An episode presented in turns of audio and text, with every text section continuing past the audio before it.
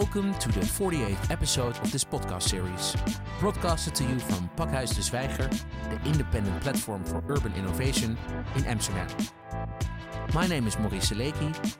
I'm your host today, and our guest is Anand Giridharadas, author of the book Winners Take All The Elite Charade of Changing the World. On Thursday, October 17th, Anand will come to speak at the event Making Good Money at Pakhuis de Zwijger. Welcome, Anand. Thank you so much for having me. You're the author of a book with intriguing but also disturbing title, Winners Take All, The Elite Charade of Changing the World. In this book, you describe uh, what is wrong with our current political and economic system. Can you share your central idea with us? First of all, I think you should share the, the Dutch title, which is even blunter and more straightforward. Yeah, I can, I can pronounce it uh, correctly, I think. Waarom de superrijken de wereld niet zullen veranderen. Why the super rich uh, will not change the world. This is a book about plutocracy, about oligarchy, and how it functions. And I wrote it because I actually observed something, a kind of paradox over the last several years. And, and I must be clear to your listeners. I observed this in the United States, and this is a book where I describe principally what I see happening in the United States. I do think the same thing is happening to different degrees in different places, perhaps including here. But I confine my analysis to one place and I prefer to let other people see what is true for them. What I observed in the United States was that rich and powerful people, uh, everywhere you looked, were claiming to be warriors for social justice. Every billionaire was starting a foundation. I always say foundations are the new Hermes scarves. Every uh, Silicon Valley you know, entrepreneur, frankly, monopolist, um, while paying big fines in Europe and small fines in the United States, was also claiming that they were out to emancipate mankind by fighting climate change or going to the moon or fixing education in America. Um, elite college graduates on our leading campuses were all suddenly interested not in being bankers and, and lawyers, but in changing the world, starting social enterprises. You had all these new tools in the finance industry impact investing funds. Don't just invest and make money, invest, make money, and change the world. And for all of these efforts by some of the richest and most powerful people, all of Wall Street, which caused the 2008 financial crisis and then came back with various forms of corporate social responsibility to empower women, empower this, empower that, empower many of the same people they bankrupted in the financial crisis. But also the Clintons and the Obama Foundation. There's no there's no one in that stratosphere who is in a way not part of this. So the first half of the paradox is rich people everywhere all around me I saw trying to change the world and make it a better place. Here's the other half of the paradox and the part that really disturbed me. The same class of people were functioning as monopolists on progress. In the United States, the top 1% of people corners 49% of new income. Now just think of it. It's a statistic, but think about it, right? It rains on the country. New income rains on the country every year. One person out of 100 is harvesting 50% of that rainwater. It's unconscionable. My father likes to say if we had the same distribution with food, there'd be riots in the streets. But with money somehow, which buys food, it's okay. 0.1% of Americans now hold more wealth than the bottom 80 Think about that. 0.1% hold more wealth than the bottom 80. And the bottom half of Americans have not gotten a pay increase since 1979. Think of what has happened to the world since 1979. Think about all the amazing things that have been invented since 1979. How do you design a society that manages not to give half of people a pay increase on average, despite all the amazing things that have happened? The way you do that is by rigging the society so that actually nothing trickles down. And mm-hmm. so what I became curious about is how is it that this same class of plutocrats who are doing so much to give and help and solve are actually hoarding the future? And so I began to wonder what is the relationship between the two facts in the paradox? Because right now, all we have is just a paradox. We got rich people helping like crazy and rich people hoarding like crazy the question is what's the relationship? What's the connection? The writer michael lewis says you know writers write books because they feel the world has fundamentally misperceived something. So the thing that i felt the world had maybe misperceived was the relationship between these two things. I think that conventional wisdom was that the relationship between the extraordinary helping represented by big philanthropy and all this elite do-getting uh, and, and the hoarding was one of a drop in the bucket. That yes There is all this helping. It is real. It is sincere. It is effective. There's just not enough of it. If only these billionaires had more billions. If only we had more billionaires doing all this good work. If, mo- if only more of those billionaires had a foundation. If only we figured out ways to make those billions go further through effective altruism and other things. Then maybe we could solve these problems. And I became curious about an opposite possibility. What if the extraordinary elite helping that we see all around us, all around the world, frankly, is how we uphold and maintain and justify the system of extraordinary elite hoarding? What if making a difference is actually the wingman of making a killing?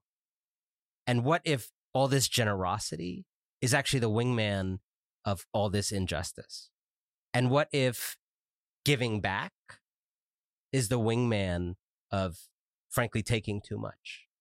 And what if all this talk of changing the world is the wingman of fundamentally staving off real change and keeping the world the same, mostly the same, for the people with the most to lose from reform? You asking questions, do you also have the answer?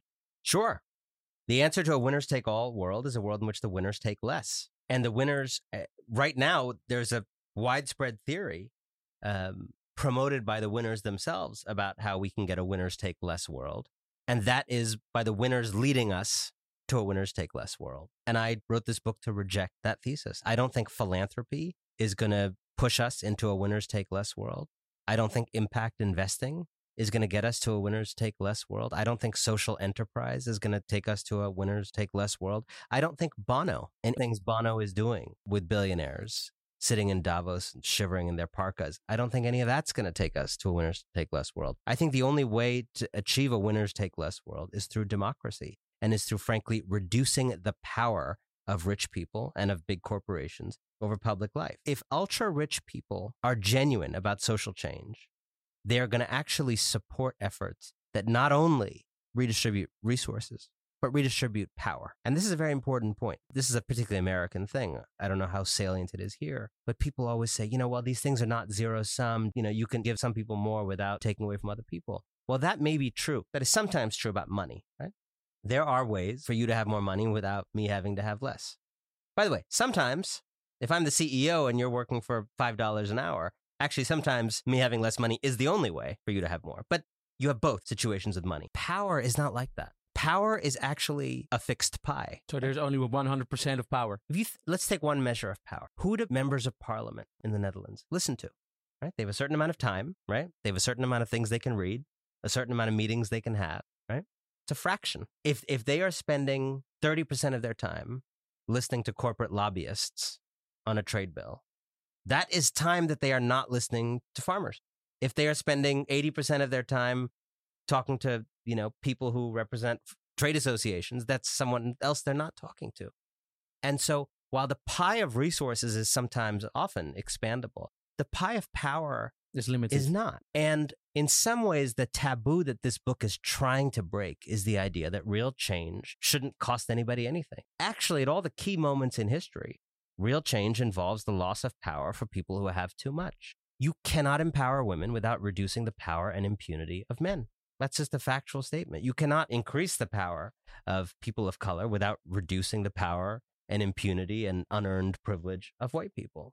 Um, and it's the same with people who own capital, who have had this last 30, 40 years, um, frankly, in the world, in a neoliberal economic order, who have had the world organized for their benefit, the way feudal lords had the world In the organized for their benefit, and kings and queens in other eras had the world organized for their benefit. The world has been organized in our lifetime um, for the benefit of the owners of high amounts of capital. There's no way to make the world more just right now than to reduce their power. Let's talk about the American political presidential elections that are coming up because there you see Do we have an election coming up? I forgot about that. somewhere somewhere in the future in the nearby future you have an election coming up this is actually the clash where uh, the worlds of money and power meet each other. There's a billionaire president at this uh, point uh, in the Senate and Congress. Uh, lots of people are also. He calls himself a billionaire. Yeah, that, He may be- not even. I mean, imagine. We're still waiting for his tax. Uh, right. Exactly. yeah, his, his tax account. But uh, he claims to be a billionaire. Almost everybody in Congress and the Senate is also a millionaire. To win a presidential election in the US, you, you need uh, uh, at least a billion dollars these days uh, to campaign. Is it even possible for somebody who's not rich to change the system? Yes. And I think we are seeing now some of the first glimpses of a genuine possibility that we will have someone who is not a candidate of, of the plutocrats. You know, I, first of all, let me say, I couldn't be more depressed about the fact that Donald Trump is our president the way, you know, so many Americans are and people around the world are. However, there is a silver lining, I mean, I should say an orange lining to Donald Trump, which is that he so flamboyantly represents the crashing and burning of this neoliberal fantasy that billionaires are going to save us, right? Like, if you want to go all in in the poker game with billionaires are going to save us, and that's your gamble, pushing all your chips to the center of the table is electing Donald Trump. Yeah, he's the champion of that system. So now we have tried it. We've tried it, and it really, really does not work. And so I think part of what he has created is an opening for a non neoliberal candidate. And so when I look at this Democratic contest, I was actually just sitting in my hotel this morning watching the first half of the Democratic primary debate last night. 12 candidates on stage. This is entirely, in some ways, a primary about capitalism and about the role of the state in American public life. And it is an extraordinary contest that's underway. Because at the one end you have Joe Biden, who was like the favorite, and now Joe Biden saying nothing. Warren. To go back to what I said earlier, real change involves loss of power. Joe Biden is the candidate who says Anand is wrong. Nothing has to change for the powerful for us to do right by the weak. Every Democrat wants to do right by the underdogs, right? That's It's like the, the, left. old democratic uh, yes. sentiment. So everybody has that sentiment. The sentiment is a consensus. Okay. The issue is, and the way I'm trying to help people in my country maybe have infrared lenses to actually see the differences between things that may look similar. Joe Biden talks about inequality the same way other people do, but he wants to say we can lift people up without affecting the billionaires who are standing on their necks. Now, that is an extraordinary circus act. It's a win-win situation. It's for a Joe win-win. Biden. And and look, if if you are able to lift people up without disturbing the stance of the people standing on their necks, I mean, uh, it, it's a it's a it's an amazing act of biology and physics. On the other hand, you have Elizabeth Warren and Bernie Sanders. Interestingly, one of whom calls themselves a democratic socialist, the other of whom says she's a capitalist in her bones, and yet both of them, with some differences in policy, but substantively a great deal of alignment, a great deal of respect for each other. I've spent time in both of their camps. There's a lot of mutual respect. They do not talk ill of each other behind the scenes. Both of them are genuinely pushing for a post neoliberal Democratic Party. And if you add up their votes, they're at, you know, something like 40%, which is a remarkable thing. Even more interestingly, the other day, Pete Buttigieg, who's, you know, often number three or four, four or five in these polls, and who is more in the Biden camp, I would say, in terms of policy than Warren or Sanders. But he said the era of neoliberalism has to end, right? When the centrist candidates in the Democratic Party's race are saying neoliberalism is over, when just a few years ago, everybody was a neoliberal, um, except Sanders. Um, I think we're actually making tremendous progress. Uh, something like that is also happening in the Netherlands right now, where our Liberal Party, the VVD, you're probably going to meet them tomorrow at the Dutch Parliament, uh, is also uh, actually uh, moving towards the left on some uh, some issues. You started out your career at McKinsey, that's uh, an international consultancy firm. Um, you talked about the billionaires here, but there's also a responsibility maybe in this whole system for the big international multinationals and the privately owned companies. What kind of responsibility do they have in this whole issue? Yeah, I, I, I'm I'm still not sure whether I was a bigger mistake for McKinsey or McKinsey a bigger mistake for me. Um, but I but I spent a year there, and and uh, at least I got a chapter in the book about it. Um, because you are right. You know, the fundamental story in this book is about billionaire capture, but the bulk of the book is actually not only about billionaires.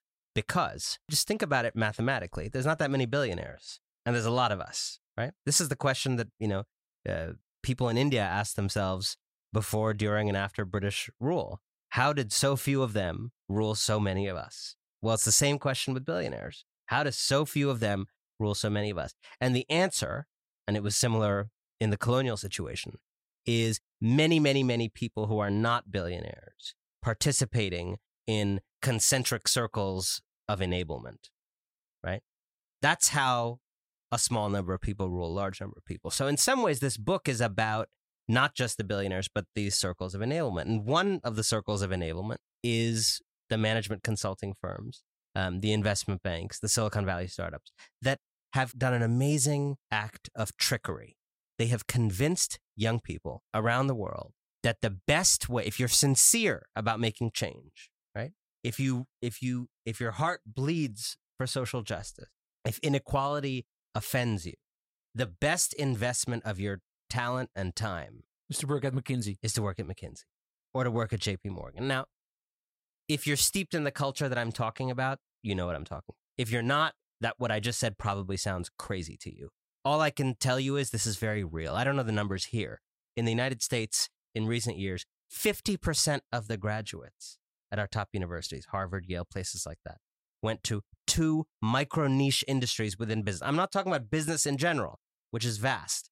I'm talking about management consulting and finance, high finance, right? Very small slivers of the business world that we're attracting 50%. Think about how many people are not becoming professors, not going into public service, not going into think tanks, not um, doing various other more civically minded things. And actually, these businesses don't make anything. They don't make anything. They swill money around like wine in a in a glass. And fundamentally, what McKinsey is interested in, and this is why I have a whole chapter in the book about a guy who worked there and then left and joined a foundation and and and, and sort of looked back with a gimlet eye on on what he'd done. What a lot of these consulting firms were involved with um, was fundamentally pushing a streamlining of business, right? And that was very good for shareholders, was very good for CEOs, and very bad for most people.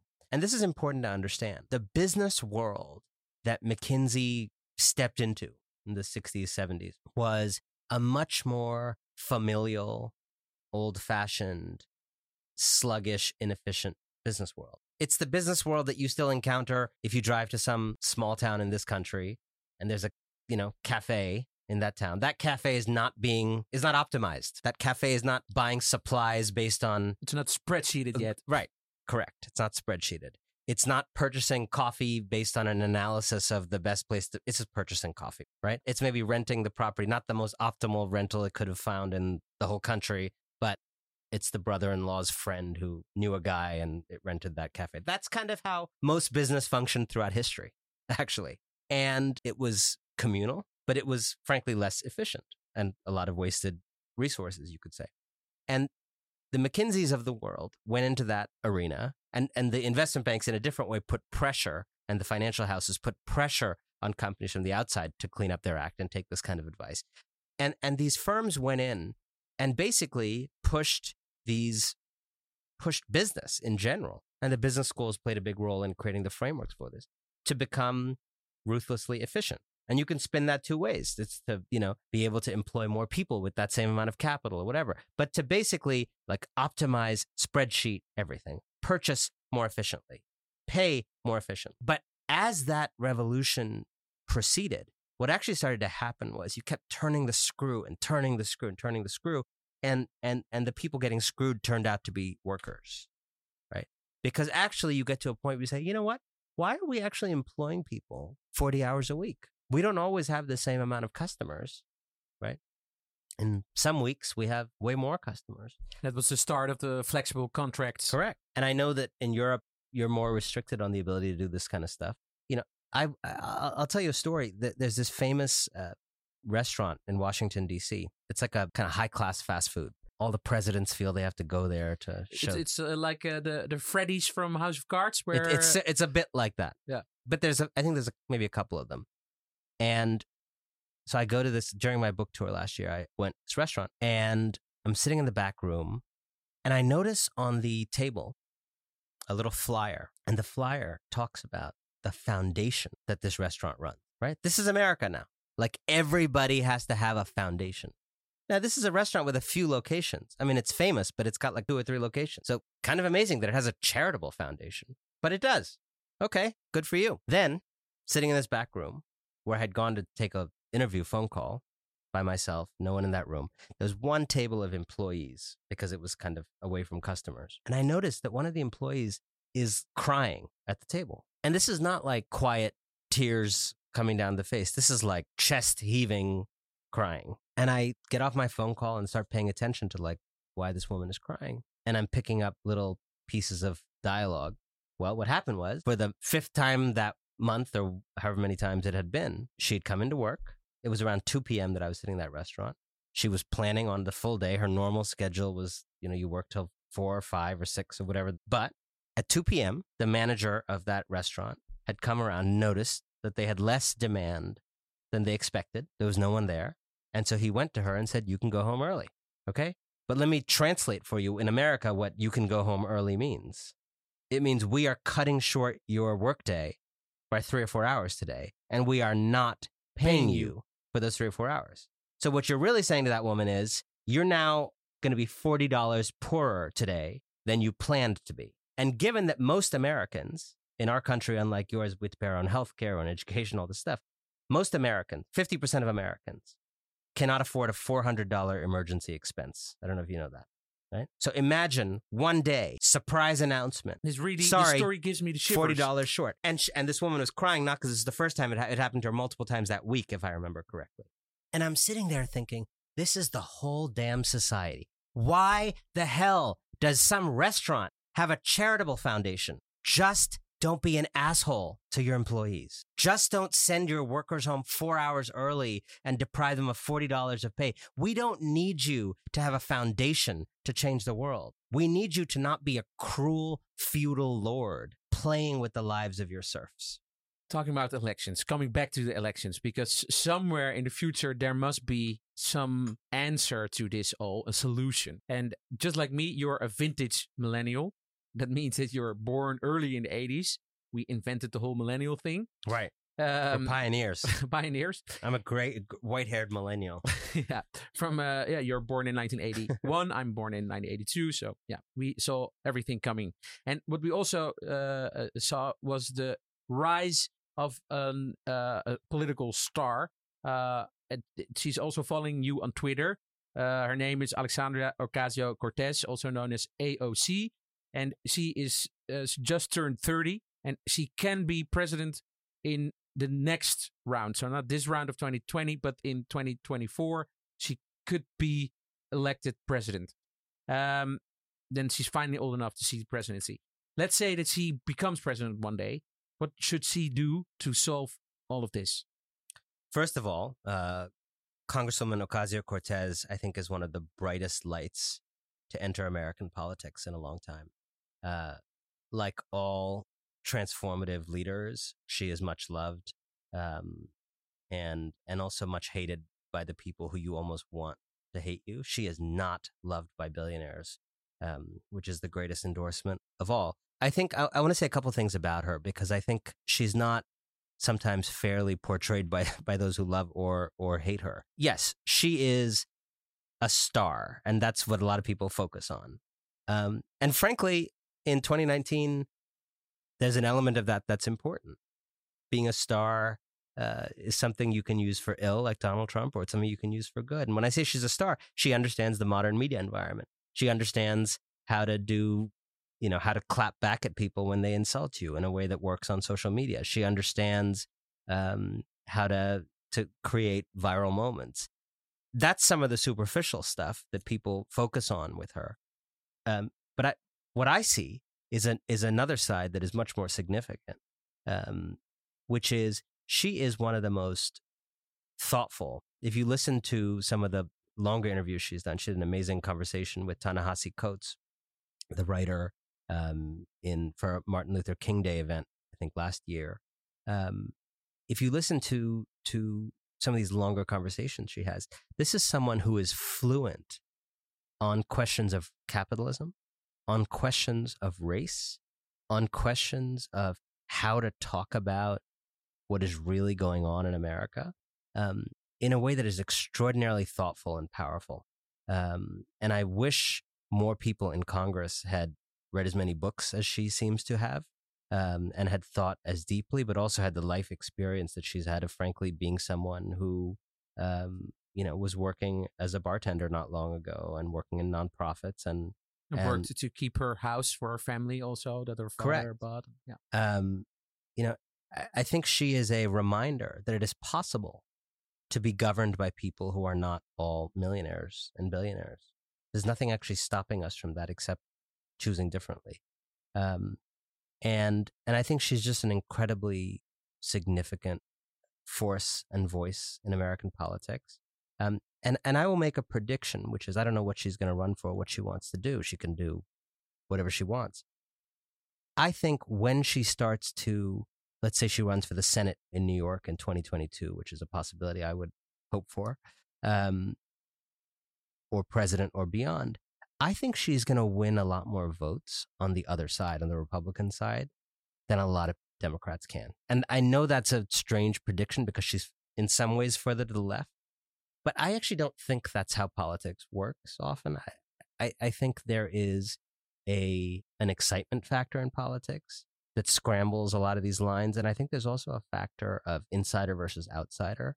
And there are a lot of people in the Republican Party who vote for Republicans who believe in free markets, believe in capitalism, may disagree with her on certain things like that, but they don't like money in politics because that's not actually capitalism. They don't like monopolies because that's actually not capitalism. They don't like CEOs being assholes to workers because that's not necessarily what capitalism has to be about. And I think there, I think she is someone who may surprise us in terms of the coalition she's able to build in the future. I'm very curious uh, about the strength of this prediction, but I, I hope so. And if any billionaire is listening now to this podcast, that could be in uh, Holland, we also have some billionaires. Do you consider that they could be convinced by your arguments? And what should they do if they are convinced by your arguments? Look, I mean, there there are a lot of billionaires who, um, you know, probably wish my parents had never emigrated to the United States. Um, but uh, one of the things that has surprised me over the last year plus is a, a- an, a significant minority of plutocrats has said that they are taken with some amount of this critique. I don't think that means they agree with all of it. I think probably none of them agree with all of it. Um, So people like Warren Buffett, for example. well, I haven't I haven't talked to Warren Buffett, but you know, you know, I, I I've had interesting conversations with someone like Mark Benioff, for example. Now he and I fundamentally disagree on a lot of things, right? He says business is the greatest platform for change in the world. I think that's false. Um, but he is someone who um, has read the book and I think resonated with some of it. I- I think one of the things that we've talked about is, you know, a lot of rich people like him do not advocate any kind of structural changes. He says some of the stuff that I critique, like business is the greatest platform for change. But Mark Benioff, unlike a lot of billionaires, also calls for structural changes. He's called for more regulations and raising taxes on people like him. Um, so I actually think there's a significant number of people within the plutocracy. It's not most of them, probably, but it's enough who know that there is something wrong, right? And this is analogous to the 19th century. There were people who traded slaves and owned slaves who understood that they were at the end of an era. Doesn't mean you know what to do tomorrow. It doesn't mean you have the bravery to opt out of it individually. But there were people bef- before it crashed. There were people in that world benefiting from that world who started to say, you know what, this is not right. Um, and I think we're seeing that with this age of of capital supremacy. Um, and I don't think we should count on the billionaires to lead us to fixing this. And That- that's, that's the whole actually also the, the the title of your Dutch book. I shall pronounce it for our Dutch li- listeners. Waarom de superrijken de wereld niet zullen veranderen. You don't count on the super rich. Correct. However, um, in many of these historical transitions, whether it's giving women the vote, whether it's ending slavery, um, whether it's decolonization, there were always minority of voices within the power structure who played some role in hastening the end of the old regime. Um, and I think like Karl Marx, that was a banker's son, uh, for example. correct. Um, you know, and there were there were like a lot of British people who were against colonialism, right? If you are a plutocrat now who who is persuaded by what I am saying, the most important thing you can do now with your philanthropy uh, or your other do-gooding activities or even your business is to think about how you can accelerate the end of the age of capital, as I call it, and and accelerate the coming of the age of reform. Not just do some little initiative, help 10 kids on the streets in New York, empower 30 women to learn to code. That stuff's all cosmetic, frankly. It helps a few people, but it does not change the system, right? But you can think about, if you're the CEO of a company, how do we stop avoiding taxes? How do we stop lobbying for special public policies that benefit us at the expense of the society? If you are a foundation, um, I'm not saying there's no role for foundations. In a, in a more just society, I think we would have fewer billionaires, maybe no billionaires, and, and, and less to give away and less foundations. But right now we have what we have. And it is possible, if you have a foundation, to give in ways that preserve and protect a bad system. And it is possible to give in different ways that help to break down a bad system. And I'll give you a simple example. In the United States, we have a system very different from here with public education, where you get a quality of public school based on the local property taxes, okay? Based on your home values, okay? So our decision in America is the bigger and better your house, the bigger and better your public school should be. Now, this is obviously fucking insane, just to be eh, completely explicit about it. The less you need a good education to save yourself, the more you're going to get one. So when rich people get involved in reforming education in America, here's what they tend to do something called charter schools, which is they create these kind of private schools that public dollars can go to. And, you know, 300 black kids from some city with, you know, 500,000 black kids get to go to that school. Like- Fantastic. Like, sort of tokenism.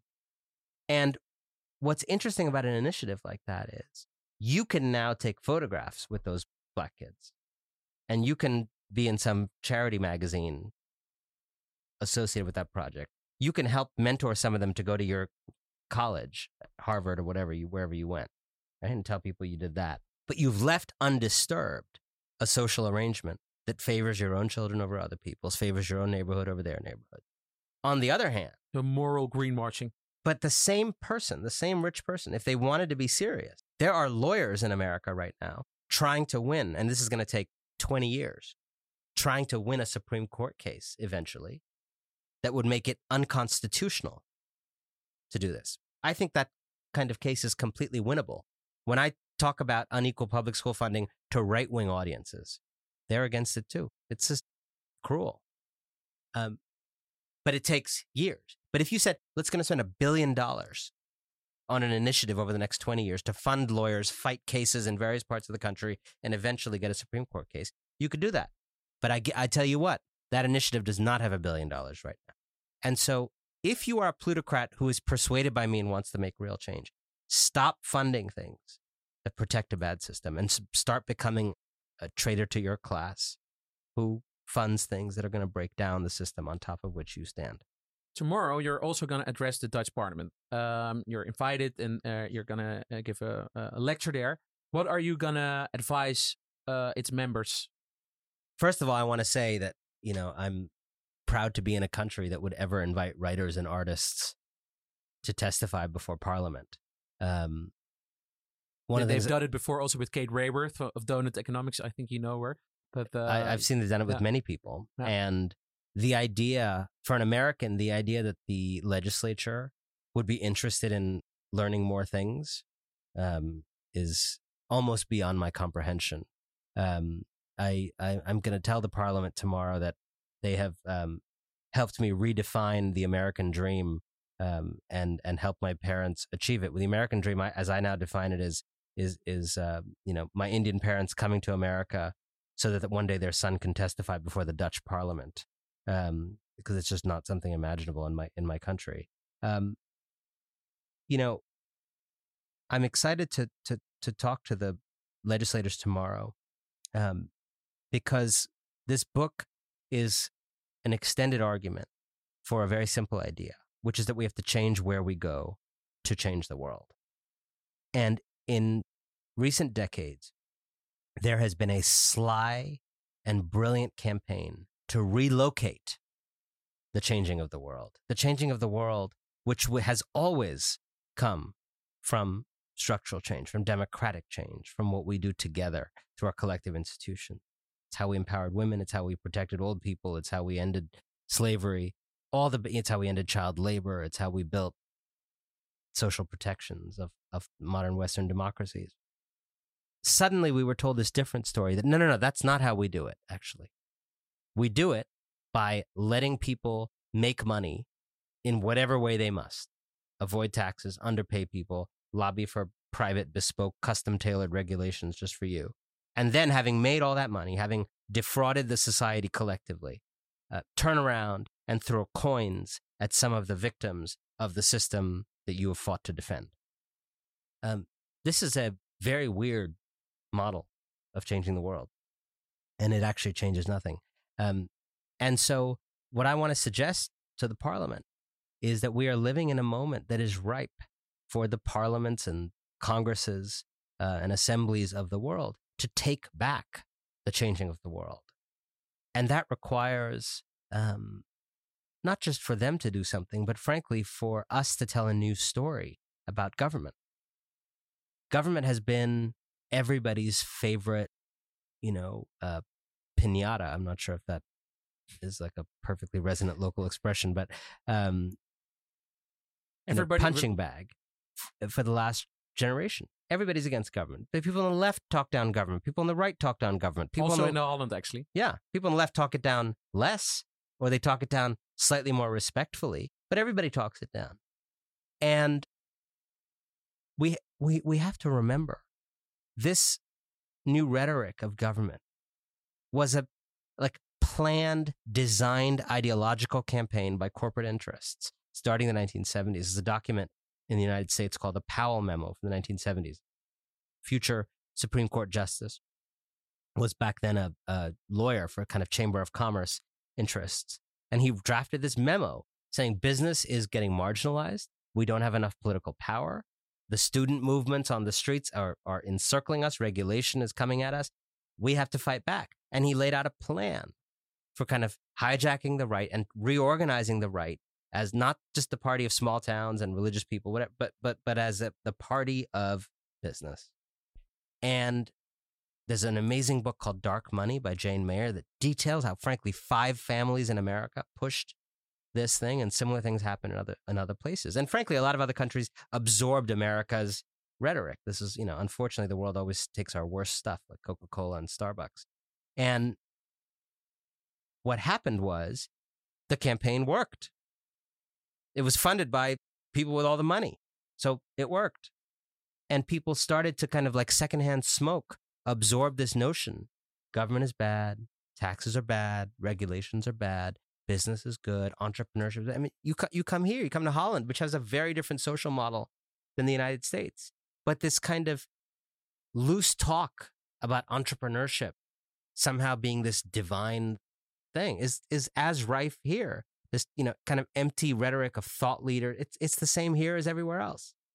And so you know frankly you, you actually you really notice it here because uh, when you see our educational system our hospitals uh, our public service everybody is uh, searching for young people to work there but uh, lots of young people don't want to work in uh, in in the schools or hospitals or public service anymore so correct and so this is a massive cultural challenge. In some ways, the sneaky agenda of this book, this is actually a book about culture, right? Because power is upheld by culture. Mark Zuckerberg would be in prison right now if the rest of us didn't believe certain things about him or hadn't believed certain things about him all these years.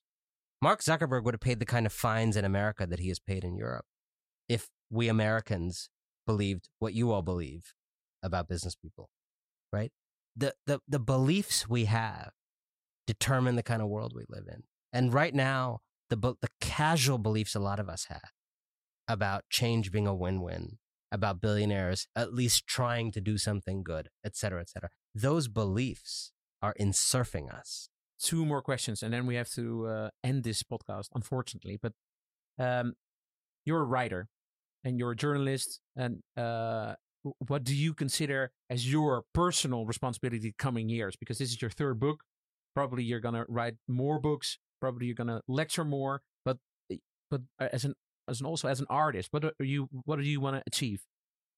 It's a great question. Um, I want to tell the truth, and I think that sounds uh, very basic, but there are so many structural impediments to the truth and to many people being able to tell it fully and freely.